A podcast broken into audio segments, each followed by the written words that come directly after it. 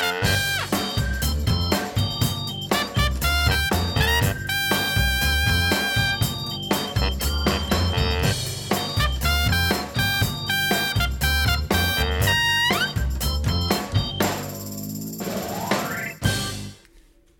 Terwijl Nederland elkaar weer in de haren vliegt vanwege Zwarte Piet In de cruiseharen. in de cruiseharen, zitten hier Witte Piet en Bruine Piet voor de CIP-podcast. Ik had eigenlijk wat roetvegen op moeten doen, hè? Eigenlijk wel, Patrick. Ja. Maar het land staat weer op zijn kop, hè? Ja, Er was, eh, was het vrijdagavond dat het allemaal uit de hand liep? vrijdagavond geloof ik. Ja, dat was een En jij zat natuurlijk weer op Twitter. Dat was een bij, uiteraard. Nou, vrijdagavond zit ik niet vaak op Twitter. hoor. Dan heb ik wel betere dingen te doen. Maar ik heb het wel tussendoor even gelezen, geloof ik, en de volgende dag. Er was een soort vergadering bezig, hè, van die, van die kick-out Zwarte Piet eh, groep. Ehm, en er waren een aantal, nou ja, ik kan het wel hooligans noemen eigenlijk, hè. Een aantal enorme voorstanders van Zwarte Piet die dachten dat eh, geweld een goede oplossing zou zijn om met deze mensen om te gaan. Waardoor ze eigenlijk precies eh, bewijzen wat het punt van kick-out Zwarte Piet is natuurlijk, hè. Met Ja. hun gedrag. Ja, ja. En dat maakt het zo moeilijk eigenlijk, hè? Want ik Ja. ben, wij zijn eigenlijk allebei pro-Zwarte Piet, maar deze mensen verpesten het voor onze groep. Door deze mensen zou ik bijna anti- anti-Zwarte Piet worden, ja. Ja, ja, Dat ja. klopt. Het interesseert mij trouwens, ik ben, jij zegt pro-Zwarte Piet, dat, ik ben niet heel erg pro hoor. Oké. Maar ook niet anti. Het maakt mij niet uit. Als, eh, of het nou zo een Zwarte Piet is, of een Kleurenpiet, of een eh roetveegpiet, joh. Waar maak ik me druk om? Denk je nou echt, eh, het zijn alleen volwassenen die zich daar druk om maken, hè? Ja. Denk je nou echt dat die kinderen het interesseert welke kleur die piet is? Die kinderen maken zich maar om twee dingen druk. Cadeautjes en snoep. Hm. En meer niet. Dan maakt het ze echt helemaal niets uit welke kleur... eh, Nou, maar binnenkort komen mijn neefjes uit Israël naar Nederland in december. En dan heb ik toch besloten dat ik zwart ga. Van, ik, ik denk dan wel van, ja, ik kan me dan ook wel aanpassen, maar hoe moet ik roetvegen op mijn bruine huid smeren, Ja, maar wat zeg jij nou dat ik zwart ga? Je gaat altijd zwart. Nee, nee, nee. Even voor de goede orde. De podcastluisteraars zien het niet, maar ik ben behoorlijk cappuccino hoor. Ja, er staat altijd een hele grote foto boven onze podcastartikelen. dat weten ze wel. ze hebben het pas speciaal gemaakt, weet je dan niet meer. Ja, dat is ook zo, ja. Ja, Maar goed, je, je dus echt nog donkerder. ja ik heb tegen de Rina gezegd, we gaan even een smeer, smeersel halen. Ja, en dan nee, je dit is toch de prima kleur gewoon om de Zwarte Piet te spelen, hè?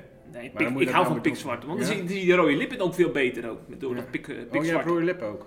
Oh, die ga je nog... Li- lip- lipstick, ja. Oh, wat leuk. ja. Dus die neefjes uit Israël, die gaan wel beleven. Maar dan wil je een statement maken. Nee, nee, nee, nee, nee, is gewoon voor de leut. Oké. Nee, nee, nee, nee. uit Israël, nou, die, die bleven wel meer dan een discussie over Zwarte Piet of niet, hoor. Goeiedag, het gaat weer los daar. Ja. Ja, maar Ja. misschien voor een andere podcast. ja, want er is nu toch te weinig over bekend, hè? Ja, ja, ja, dat klopt.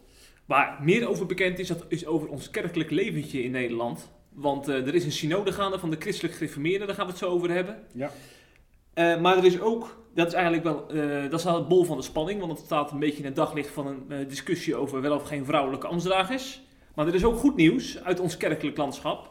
Want de Nederlands gereformeerden en de gereformeerd vrijgemaakten, die gaan één worden de komende jaren. En eh, ze zijn dus verliefd. En over die verliefdheidsperikelen gaan wij het hebben, Patrick. Ik zie jou hoofdschuddend kijken. Ja, verliefd, kom nou toch op, man. Ja, maar het is goed om dit soort onderwerpen dicht bij de mensen te brengen. Ja, Dan ja. moet je in dit soort termen praten. Dat moet helemaal niet. het, is- het was zelfs de inleiding van ons CIP-bericht, hè? Wist je Ja, dat? maar dat heb ik niet geschreven. Misschien leuk om dat even hardop te lezen voor de luisteraars. De Nederlands gereformeerde kerk en de, kerk en de gereformeerde kerk vrijgemaakt zijn al een tijdje verliefd op elkaar. Ruim 50 jaar na een pijnlijke echtscheiding trekken de twee met elkaar op. En nu heeft de GKV spijt betuigd over hun rol bij de kerkscheuring. Nou, dat is toch prachtig, of niet?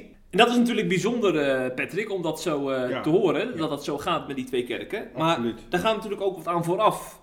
Want eh, de gereformeerde kerk vrijgemaakt, ja, veel mensen weten het niet, maar die is in de Tweede Wereldoorlog ontstaan, hè, in 1944. En Ja. uit die vrijgemaakte kwamen in 1967 de Nederlands gereformeerden. Dus weer een hele kleine kerkafsplitsing van 30.000 mensen. Het is wat, hè? Ja, ze vonden dat eh, de vrijgemaakten te veel eh, zeg maar, van de regels waren, te, te weinig vrij waren. Te weinig vrijgemaakt. Terwijl je vrijgemaakt bent, dus dat kan blijkbaar ook. En toen eh, is er een groep uitgestapt onder leiding van dominee Berends Schoep. Dominee Berends Schoep heeft een open brief geschreven. En die open brief is in 1966 eigenlijk niet serieus genomen door de vrijgemaakten. Eh, deze dominee is eh, afgezet en samen met een andere groep ambtsdragers geschorst. En dat is zo'n ontzettende open wond gebleven, al die tientallen jaren. En het bijzondere is dat eh, nu in het Nederlands Dagblad is een interview verschenen. Waarbij dus is gezegd vanuit de vrijgemaakte hoek van dat had niet zo gemoeten. We hadden die mensen die zorgen hadden in die open brief hadden we serieus moeten nemen en niet uh, met pek en veren naar huis moeten sturen. Dat is dus een hele bijzondere ontwikkeling. Maar destijds uh, was, het echt, was er echt een oorlogssfeer in die kerk. In 1967, hè, in de Zesdaagse oorlogperiode ja, ja. van Israël. Ook dat nog. Ook dat nog. Maar uh, toen zijn dus de Nederlandse gereformeerden ontstaan met uh, dominee Schroep voorop. En volgens mij is dat best wel een klein kerkverband, zo ongeveer 30, 40.000 mensen. De vrijgemaakten zijn nog veel groter, ruim 100.000 leden hebben die. Ja joh. Ja, die zijn nog steeds groot hoor. Vooral in het noorden heb ik het idee, of niet? Ja, ja een beetje boven Gelderland daar. Overijssel ze nog best wel aardige vrijgemaakte kerken. En um, eigenlijk is het natuurlijk wel heel tragisch dat je zoveel gereformeerde kerken hebt überhaupt. Want we hebben natuurlijk ook nog christelijk gereformeerd. Nou, en uh, dan hebben we ook nog heel veel zijtakken. Want er zijn... Gereformeerde gemeenten. Gereformeerde gemeenten in Nederland. Ja. Oud-gereformeerde gemeenten. Ja, zijn de zwaardere nog. Oud-gereformeerde gemeenten. Ja, moet je, het moet je nagaan. gereformeerd. Ja. En ze zijn uiteindelijk allemaal weggelopen bij de hervormden natuurlijk. Ja, dat zeg jij dus altijd. Ja. Nee, dat is zo. Nou, de moederkerk blijft de Rooms-Katholieke kerk, hè? Ja, maar de hervormden waren de eerste, was de eerste protestante kerk, hè? Daar is de rest bij weggelopen. Overigens leuk dat je dat noemt, want de GKV gaat kanselrol doen met de PKN. Ja, heb dat, heb, ja. dat heb jij uh, getikt ja, op SIP. Ja, heb ik nou ja, ja, ja, dat heb ik getikt op SIP, ja. Ja. Dat klopt. Nou, dat is nog niet helemaal zeker, hè? Dat is een plan. Dat is het adviesrapport, hè, wat ze uitbrengen aan, uh, aan het synode. Die moet daar nog over gaan beslissen, als ik het goed begreep. Ja. Um, nou, dat zou wel mooi zijn, ook prima. Ja. Ik ben er wel voorstander van. Ja. Maar goed, uh, we hebben nu dus over de Nederlandse gereformeerden en de gereformeerd vrijgemaakte. En uh, naar aanleiding van de pijn die over hun kerkschudding is ontstaan, is een filmpje verschenen een paar jaar geleden. En daar gaan we even naar luisteren over de gevolgen van die kerkschudding, maar ook over wat hen samenbindt. Fel streden we voor de waarheid. Door die strijd brak onze kerk. We gingen los van elkaar verder, als vrijgemaakt gereformeerde en Nederlands gereformeerde kerken. Dat sloeg wonden, diepe wonden. Families, jeugdgroepen, kerkenraden in tweeën gespleten. Tussen ons de pijn, het verwijt, de schuld. De afstand steeds groter. We zagen niet hoe je ooit nog één, nog heel, nog samen kon zijn.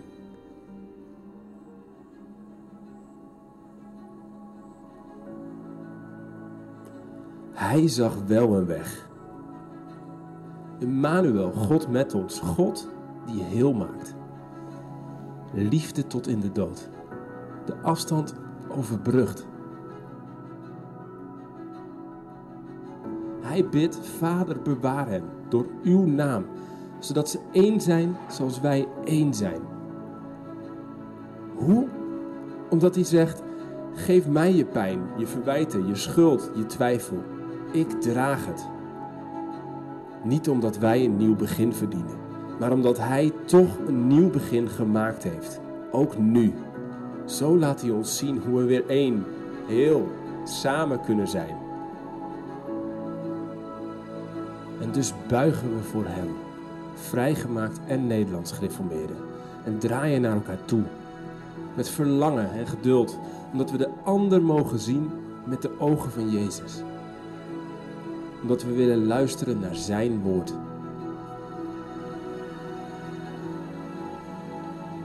Zo willen we samen weer kerk zijn. Nou ja, goed, het einde is natuurlijk prima, Jeffrey. Ja, zeker, want Jezus staat uiteindelijk centraal. Ja. En dat hebben deze kerken blijkbaar ontdekt in de afgelopen decennia.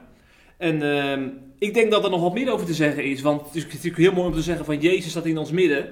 Maar er is natuurlijk ook nog wel wat meer over te zeggen, hè? want kerken gaan uiteindelijk toch wel uiteindelijk om meer dan Jezus bij elkaar komen. Er zitten allerlei maatschappelijke ontwikkelingen achter. Die we eigenlijk ook wel gewoon uh, mogen benoemen, lijkt mij. Is dat niet precies het probleem? Wat? Ja, eigenlijk zou het wel zo moeten zijn dat we alleen om Jezus bij elkaar komen. Ja, ja maar ik denk dat het toch vaak te simpel gedacht is. En dat er vaak inderdaad uh, omstandigheden nodig zijn om uiteindelijk bij Jezus uit te komen, gek genoeg. Ja. Ruzie dus, in dit geval. Nou ja, ja, niet alleen ruzie. Jawel, ruzie en goed maken en dan kom je bij Jezus uit. Nee, maar ik denk dat het ook samen gaat met bijvoorbeeld een ontwikkeling zoals eh, vrouwelijke ambtsdragers toelaten in de gereformeerd vrijgemaakte kerk. Terwijl de Bijbel daar toch vrij duidelijk in is. je wil gelijk naar die Bijbel toe, hè? Ja, ja, waarom zou ik naar de Bijbel toe gaan, Jeffrey? Wat een onzin, hè? Nee, maar daar heb je echt wel een langere podcast voor nodig, Ja, denk ik. nee, we gaan het er zo nog over hebben, want mijn, ik, ik, ik, dat was wel even een, een, een, een, een speldenprikje, want ik Ja. Ben daar zelf ook helemaal niet zo van overtuigd. Maar dat komt zo aan het bod, hè? ik dwaal een beetje af. Ja, Je ging eerst nog vertellen wat, hoe dat nou eigenlijk zo ver heeft kunnen komen. Ja, precies, ja. ja. Want eh, laten we allereerst vaststellen dat 50 jaar een best wel lange tijd is. 1967 was die kerkscheuring. En we zijn inmiddels nu ruim 50 jaar verder. En de mensen die toen echt midden in die eh, ellende zaten met die kerkscheuring... Ja, die zijn inmiddels... Een groot deel is overleden, maar een groot deel zit ook in bejaardentehuis. Ja. In ieder geval, die, die is best wel aan het eh, uitsterven. En de mensen die nu aan de knoppen zitten in die kerken, die, eh, die hebben dat toch heel anders beleefd. Die, dat zijn kinderen van zeg maar, de hoofdrolspelers. En zeker de dertigers, die leven in een tijd waarin eh, kerkmuren er niet meer echt toe doen. Hè. We leven nu na, na de ontzuiling, zeg maar. Vroeger had je echt nog de vrijgemaakte school, de vrijgemaakte eh, kinderclub, de vrijgemaakte krant. Nederlands Dagblad, hè, was die waren, echt die waren, de vrijgemaakte echt heel fel ook, hè? Ja, ook in die scheuring waarschijnlijk. Alles buiten hun kerk was fout ook, hè? Ja, de ware kerk, ja, hè? ja, ja, ja, ja, ja, ja. Terwijl er maar één ware kerk is natuurlijk. En wij zijn dus dertigers, twintigers, en wij leven niet meer in die, in die termen op. En ik zeg het net. Jij zegt we leven niet meer in die, we groeien niet meer in die term op, maar ik zeg het net nog. Oh, ja, sorry. Nee, maar dat, nee, maar ik denk niet echt zo inderdaad. Nee, dat klopt wel. Dat, dat, die, dat, dat heeft te maken met die ontzuiling inderdaad. Ja, ja. En dan groeien dus uiteindelijk ook naar elkaar toe. Zeker als dan ook eh, eh, standpunten op gelijke voet komen te staan. Want de Nederlands gereformeerden, die kennen vrouwelijke ambtsdragers. Daar hebben we net al even naar verwezen. Ja. In, daar kun je dus dominee worden als je vrouw bent. En tot drie jaar geleden kon dat in de vrijgemaakte kerk nog helemaal niet. Toen eh, was het nog alleen voorbehouden aan mannen. En dat is dus een synode geweest waarbij dat is eh, re- rechtgezet. In, tenminste, rechtgezet als je voor vrouwelijke ambtenaren bent natuurlijk. Rechtgezet, ja. En eh, sindsdien kunnen ook vrouwen de, de kansel op en eh ouderling worden. En ja, dan uiteindelijk is het dan ook niet echt een reden meer om dan bij de Nederlandse gereformeerden weg te blijven. Want ze zijn allebei gereformeerd. En dit is toch wel een van de hete hangijzers die, die hen nog uit elkaar Ja, hield. Was dat zo, ja? Ja, zeker, zeker. Want eh, da- je ziet het juist ook aan de andere kant. Juist nu, nu omdat nu de vrijgemaakte zeg maar, vrouwelijke ambtsdagen ze hebben, is het, ligt het zo moeilijk met de christelijk gereformeerden waar dat nog niet kan. Dus, dan gaat, dus vrijgemaakte waren eerst een beetje toch wel, eh lagen in één bed, laat ik maar zeggen, met de christelijk gereformeerden. Ja, stop dan maar met die beeldspraak. in bed liggen. En nu worden ze verliefd op de Nederlands gereformeerden. En dat heeft toch met dit soort eh, standpunten te maken uiteindelijk. Die worden heel, laten we niet onderschatten hoe hoog dit wordt opgenomen hè, door mensen. Ja. De vrouwelijke ambtsdrager is gewoon echt een eh, heel, heel belangrijk issue. Naast homoseksualiteit denk ik nog wel een van de belangrijkste in de kerk. Ja, ja, dat denk ik absoluut ook, ja. Ja. Eh, een ander punt dat hier ook meespeelt, denk ik, is eh, de, de invloed van de conferenties. Want we leven ook in een tijd waarin de New Wine Conferentie ontzettend aan populariteit, populariteit aan het winnen is. Dat is een beetje een conferentie die vooral in de 3G-kerken bekend is. Dat is- zijn dus de Nederlands gereformeerden, christelijk gereformeerden en vrijgemaakten. Nou, en daar vallen echt de kerkmuren weg. Mensen die daar komen, die zijn zo lovend over het werk van de Heilige Geest, over christenen uit andere kerken die ze daar ontmoeten. En dat heeft ook best wel veel invloed op het dagelijks leven. Want eh, door alles wat ze daar te horen krijgen in workshops en lezingen en eh, gesprekken met mensen en zo, samen avondmaal vieren, ja, dat heeft ook invloed op, eh, op hoe je je in de kerk opstelt, denk ik. Nou, nou leven we natuurlijk sowieso al in een tijd waarin eh, kerken minder belangrijk worden hè, in de geloofsbeleving van mensen. Ja. Het was vroeger heel Ook. belangrijk. De, de- Zeker. Het geloof beleefde je in de kerk. Dat wordt nu wel steeds minder. Heel veel christenen, met name jongere christenen dan, ook ouderen trouwens, Ja, die richten zich op kleine gemeenschappen, op vriendengroepen. En daarnaast, hè, voor de gemeenschap dan, hè. En daarnaast hun onderwijs zoeken ze gewoon simpelweg eh, ja, via internet. Dat kan natuurlijk, internet kan natuurlijk heel veel kwaad brengen, maar ook enorm veel goed. Kijk maar naar onze eigen website bijvoorbeeld. Daar zijn ook duizenden mensen super blij mee. Die bezoeken elke dag met heel veel plezier, heel veel plezier cip.nl. Ehm, daarnaast zijn er natuurlijk heel veel mensen die via YouTube of via, eh, je kan bijna elke preek tegenwoordig meeluisteren of terugluisteren. Die zoeken op die manier hun onderwerp.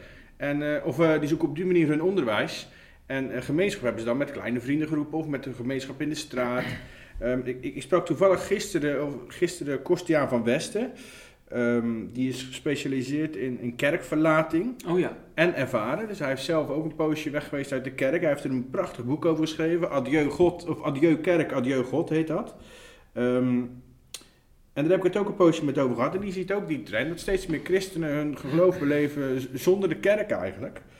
Ehm, ja, en ik vind het ook wel een interessante discussie of de kerk in de vorm zoals wij hem altijd gekend hebben, de laatste, nou ja, 100 jaar zeg maar, al is die natuurlijk wel heel veel veranderd.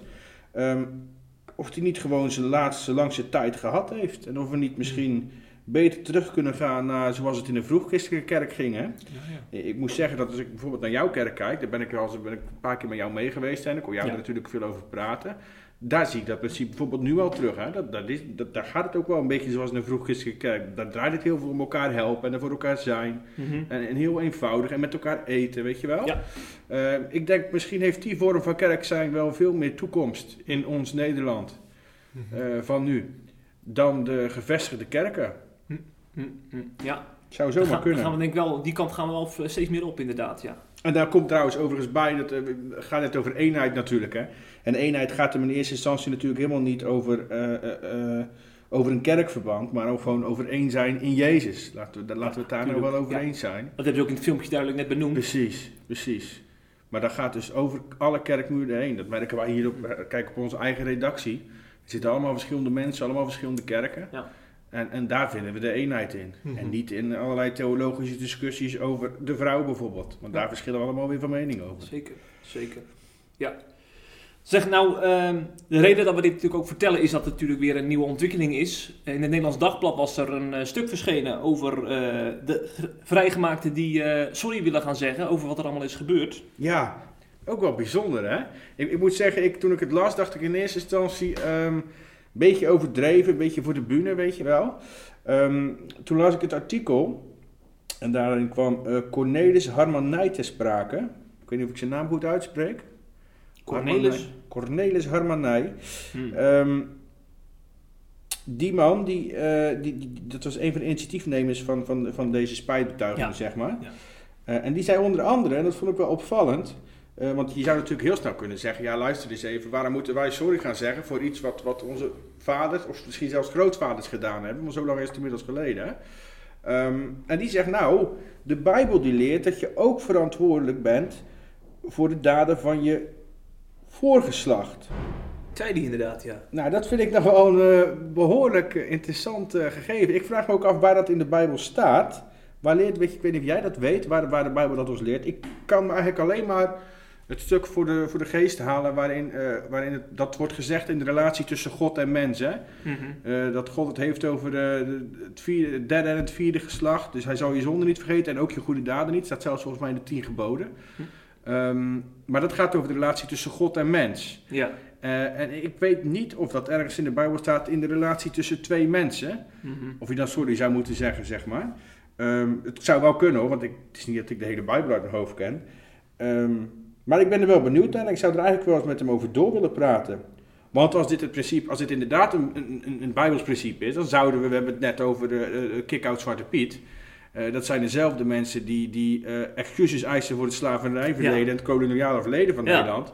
Als je dat door zou trekken en het zou inderdaad een Bijbels principe zijn, dan zou ik nou sorry tegen jou moeten gaan zeggen voor het koloniale verleden van mijn voorouders. Hm. Ten opzichte van jouw voorouders. Mhm. Ja, dus, dus het gaat wel ergens over waar we het over Ja, hebben. nou wil ik dat best een keertje doen, maar dat- ja, die herstelbetalingen, dat eh, kan je op je buik schrijven. Zal ik even een tikkie sturen? Een tikkie, ja. Ja. Nee, maar, maar dat is dus, ja, ik, ik, ik vraag me dus af, ik heb, het ook, ik heb geen tijd gehad om het nog even goed te gaan onderzoeken. Ja. Eh, maar dat ga ik nog wel even doen. Of ik ga het aan die man zelf vragen als ik hem op een of andere manier kan bereiken. Want ik ben wel benieuwd waar hij dat nou baseert in de Bijbel eigenlijk. Ja, ja, ja, zeker. Overigens, wat ik, waar ik ook nog aan moest denken toen ik daar hier ook over las. eh, volgens mij drie jaar geleden hebben ze ook samen voor het eerst officieel zeg maar, avondmaal gevierd. Toen kwamen ze samen in een ruimte op zaterdag of zo, vrij- vrijgemaakt en eh, Nederlands gereformeerd. En toen hebben ze ook eh, zeg maar een grote vaas neergezet en dan kon je een briefje in doen met, eh, met een spijtbetuiging. Oh, dat is wel heel mooi. Ja, ja, ja. Ze worden het echt tastbaar op die manier. eh, ja. eenheid. Dus nou, we gaan de komende jaren afwachten, want dan wordt het officieel hè. Want als je verliefd bent, dan volgt natuurlijk op een gegeven moment een verloving en dan volgt er een huwelijk. En dan wordt een groot feest. Tenzij de kinderen komen. Dus, ja, dan komt er weer ellende kerk, bedoel je. Zou weer een nieuwe kerk zijn. Ja, precies. Eh, er staat in Rotterdam een kerk. Dat heet Victory Outreach. Nou is het niet alleen een kerk volgens mij. Dat is ook echt een, eh, een soort onderwijsinstituut. oh, Rotterdam, ja? Ja. Oh, omdat het een Engelse naam is. Dus het is een internationale kerk. Ja, ja, ja, ja. Ah, Ja, ja, ja. En ze zijn heel erg gericht op het bereiken van eh, mensen met een verslavingsverleden en crimineel verleden. En er is een filmpje van verschenen op de YouTube-pagina van het Reformatorisch Dagblad. En we dachten, laten we die ook eens op CIP delen, dat filmpje. Dat ging hartstikke hard, joh. Ja? Dat ging echt volgens mij wel meer dan duizend likes. Wauw. En eh, ik dacht, als het dan toch zo populair is, hè, een, eh, een groepje criminelen die, die een opwekkingslied zingt. Of ex-criminelen. Ex-criminelen, zei criminelen? Ja. Oh, ex-criminelen. Dat is natuurlijk wel even leuk om te horen. Hè, dat klinkt toch heel anders dan eh, mannenbroeders die eh, Psalm 42 eh, lallen op een conferentie. Lallen ook. Psalm 42 kan niet lallen. Die zingen uit volle borst. Dan ben je toch een traditionele jongen. Zo is het. Lallen doen we niet in de kerk, Nee, maar wel bij Victory Outreach.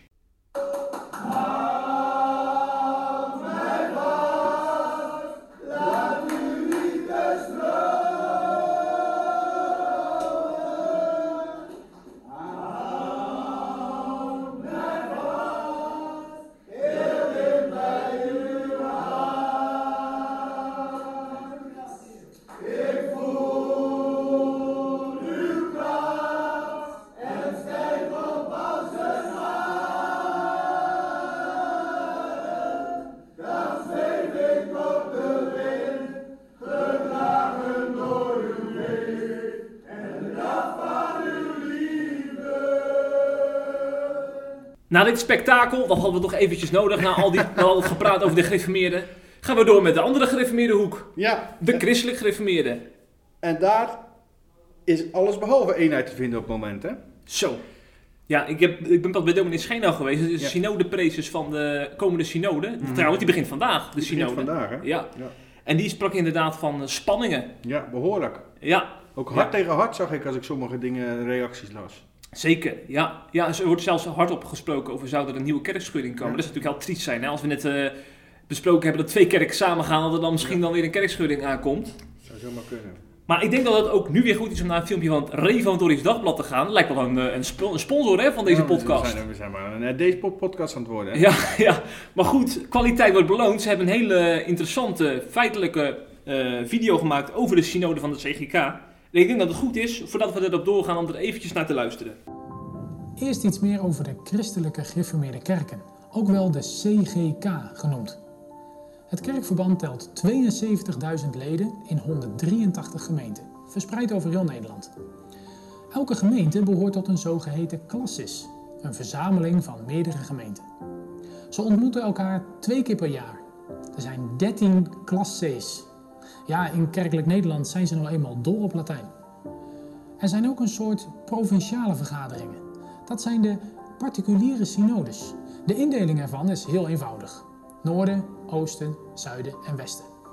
Onder de particuliere synode van het oosten vallen bijvoorbeeld de klassees Amersfoort, Apeldoorn en Utrecht. De verschillende klassees kiezen mensen uit die naar deze vergadering gaan. Hier in Nunspeet wordt eens per drie jaar de generale synode gehouden.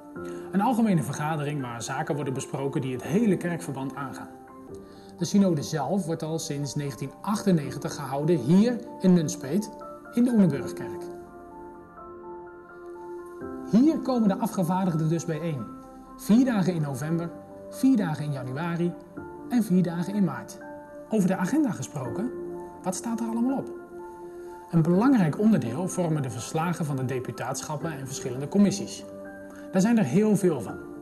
Deputaatschappen voor eenheid, financiële zaken, kerkorde en kerkrecht, militairen en commissies voor kleine gemeenten, kerkendag, offervaardigheid. Al deze commissies en deputaatschappen leveren hun verslagen aan. Ja, in deze video eh, werden dus wat eh, feitjes over de synode gedeeld, maar ze ging niet inhoudelijk in op het hete hangijzer waar het eigenlijk om gaat in, eh, in deze hele synode kwestie. Dat is natuurlijk de vrouwen, Dat wel is, of niet. Dat is, het is de enige eigenlijk waar het helemaal om draait, hè? ja. Er worden wel andere dingen besproken, zoals we hoorden, maar het is eigenlijk iedereen en alles is eigenlijk alleen maar nieuwsgierig naar wat er nu precies eh, besloten gaat worden en gezegd gaat worden over de positie van de vrouw. Ja. En dan de vrouw in het ambt gaat het over, hè, even voor de duidelijkheid. Klopt, ja. Mag, we- mag een vrouw wel of niet ouderling of diaken worden? Ja, en er is ook nogal een verleden in, hè, in die kerk, geloof ik. Ja. Over dit onderwerp. Ja. Ik weet niet of je Ja, het, is niet- dat jij dat een beetje hebt uitgezocht. Ja, het is niet iets van de laatste jaren, zeg maar. In 1998, toen kwam de synode al eh, bijeen. Ze komen drie keer, eh één keer in de drie jaar komt de synode trouwens bijeen. Dus, eh, als het dan gebeurt is het natuurlijk wel eh, best wel uniek. En eh, toen we- werd er na intensieve studie werd toen besloten dat het voor vrouwen niet mogelijk is om ambtelijk leiding te geven. Hè. Dat is dus na, naar aanleiding van allerlei studies eh, van theologen die zich hebben verdiept in wat de Bijbel erover zegt. Uiteindelijk kom je dan samen bijeen en trek je een conclusie en dan is dus gezegd alleen voor mannen. Eh, maar 1998, dat is natuurlijk alweer een tijdje geleden, de tijd staat niet stil. En eh, Dat die, is een hele tijd geleden. daarom, volgens mij nog, eh, is dat nog voor het kampioenschap van Feyenoord. Die werd in 1999 kampioen. Ja, die zijn daarna nog een keer kampioen geworden. hè. Twee keer nog. Ja, dus twee kampioenschappen van Feyenoord ge- eh, geleden. In 1998, toen haalden we de halve finale van het WK. Met Oh ja, Dennis Bergkamp. fantastisch. Toen speelde Dennis Bergkamp nog, jongen, jongen. Nou, weet je wat we doen? We laten omdat het zo'n mooi doelpunt was, gewoon nog even een fragmentje horen van de Jack van commentator. Gelder. Jack, Jack van van Gelder Gelder. over Dennis Bergkamp. Ik heb opeens zo'n gevoel dat we in de halve finale gaan komen met het balbezit voor Frank de Boer. Frank de Boer speelt de bal heel goed naar Dennis Bergkamp. Dennis Bergkamp. Dennis Bergkamp neemt de bal aan. Dennis Bergkamp. Dennis Bergkamp.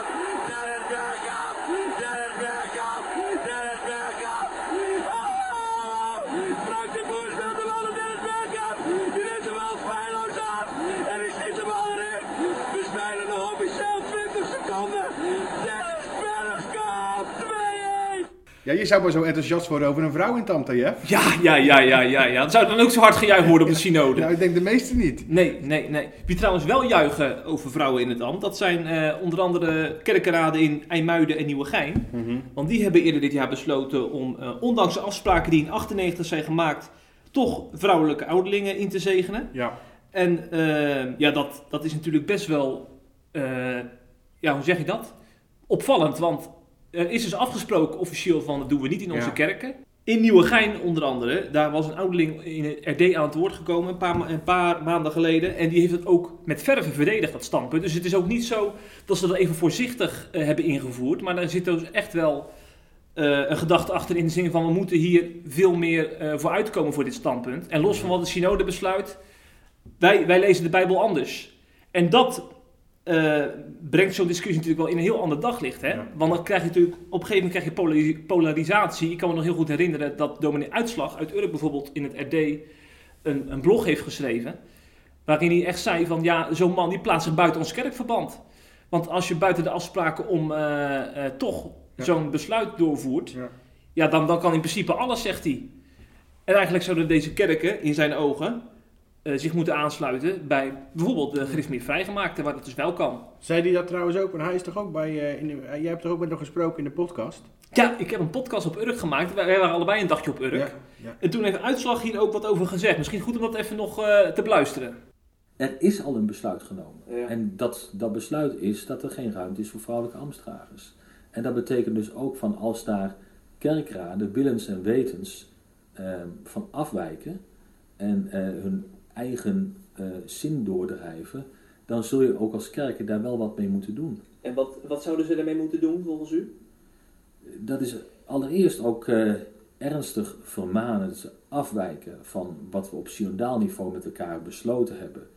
En dat ze hun handtekening gezet hebben hè, van eh, toen ze in het ambt werden eh, ook bevestigd, dat ze zich zouden houden aan alle synodale bepalingen. Wanneer zij naar die ernstige vermaning uiteindelijk toch vasthouden hè, aan ook dat besluit, dan kan er het moment komen dat je ook moet zeggen van hier gaan onze wegen uiteen. Ja. Want jullie kiezen vrijwillig om christelijk gereformeerd te zijn, maar jullie willen je blijkbaar niet houden aan alle regels binnen de christelijk gereformeerde kerk. Overigens, ehm, Bewaar het Pand, Stichting Bewaar het Pand, dat is een, een stroming binnen de Christelijk Gereformeerde Kerk, hè, een vrij behoudende stroming. Ja. Eh, die heeft eh, ehm, in aanloop naar de synode, naar de synodevergadering, eh, nogal eh, behoorlijk de druk opgevoerd, moet ik zeggen. En de boel op scherp gezet. Ehm, En daarbij hebben ze zich vooral gericht op die gemeenten die jij net zei, hè? Die, die, die, die, die niet de synode hebben afgewacht, maar die eigenlijk al vrouwen in het ambt hebben toegelaten. Ehm, en die hebben een verklaring naar buiten gebracht en ik zal er een stukje van voorlezen. eh, waarin ze onder andere zeggen: Verschillende deskundigen hebben uitgesproken dat als een plaatselijke kerk deze besluiten wel bewust, en dan hebben ze het over de besluiten uit 1998 en 2001, hè, toen is er twee keer iets Ja. over uitgesproken. Ehm, de gemeenten die deze besluiten wel, be- wel bewust terzijde schuiven, en ook nog op het moment, want dat komt er trouwens ook nog bij, op het moment dat de generale synode zich op deze kwestie zal beraden, dus ze hadden net zo goed een jaartje kunnen wachten, hè, of een halfjaartje, Mhm. Ehm, dat ze zich feitelijk buiten het kerkverband plaatsen. Wij hopen en verwachten dat de generale synode openlijk zal uitspreken dat de kerken die de vrouwen het ambt aanvaren zich, facto, zich de facto buiten het kerkverband plaatsen. Ze roepen eigenlijk op om de, tot de generale synode van hè, de kerken die die vrouwen hebben toegelaten, jullie moeten zeggen van jullie hebben je eigenlijk jullie hebben jezelf buiten het kerkverband geplaatst. En dat is nog, natuurlijk nogal wat. Hè? En ze zeggen ook termen als feitelijk hebben ze de gemeenschap met het kerkverband eigenlijk al verbroken. Mhm. Eh, en van harte hopen we dat ze zich van de onschriftuurlijke praktijk van het instellen van vrouwelijke ambtsdragers zullen afwenden en zullen terugkeren tot de gemeenschap van onze kerken.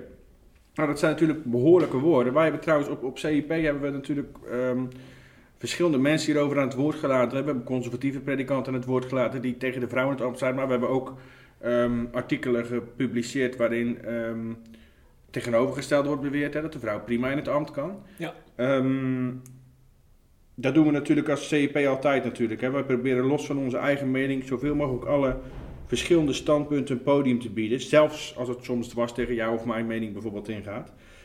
Dat kwam ons trouwens wel op wat kritiek te staan. Ehm, maar persoonlijk vind ik dat juist fijn. Ehm, zolang je het gewoon uit naar ons toe, hè. Prima, als je kritiek hebt op ons, eh, bel ons, mail ons, eh, stuur een berichtje. Zeker. Eh, vinden we helemaal prima. Iemand die mij benaderde, dat was Gerco. Gerco uit Urk. Die is eerder op CIP, deelde die zijn bijzondere getuigenis. Hè? Dat is een bijzondere getuigenis. Een mooi- leuke jongen. Ehm, en ik had hem destijds gezegd dat hij, als hij iets zag, en waar ik niet helemaal mee eens was of zo, dat hij ons altijd mocht benaderen. En daar maakte hij nu dus eh, gebruik van. Eh, omdat hij het. Hij, vond het, eh, hij was er absoluut niet mee eens dat wij mensen een podium bieden die, die voor de vrouwen het ambt zijn. Omdat volgens hem enorm duidelijk is dat de, de Bijbel is er heel duidelijk in, zegt hij. Vrouwen in het ambt mag gewoon niet. Ja, ja. Punt. Hij gaat er een blog over schrijven, dus dat wordt.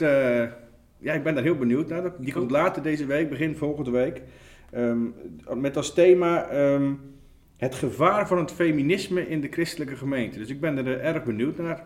Feminisme zelfs ook Ja, feminisme. dat is al een term Ja, dat je erop plakt. termen. Ja. Ja, maar daar stelde ik daar dus aan gelijk, feminisme. Ja. Hm, ben Dus ik ben benieuwd hoe dat eh, inhoudelijk gaat zijn, ja.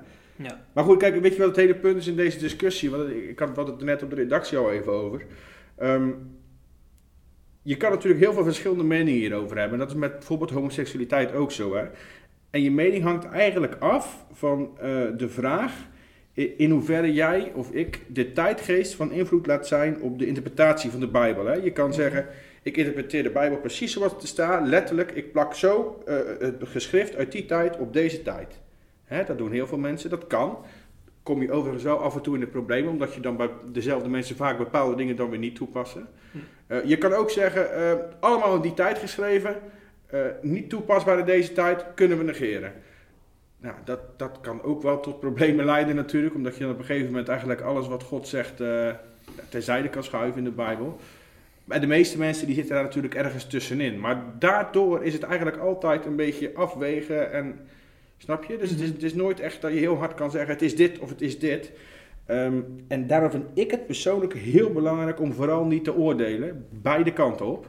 Eh, en, en voorzichtigheid geboden zou ik zeggen. Ja, ja, ja.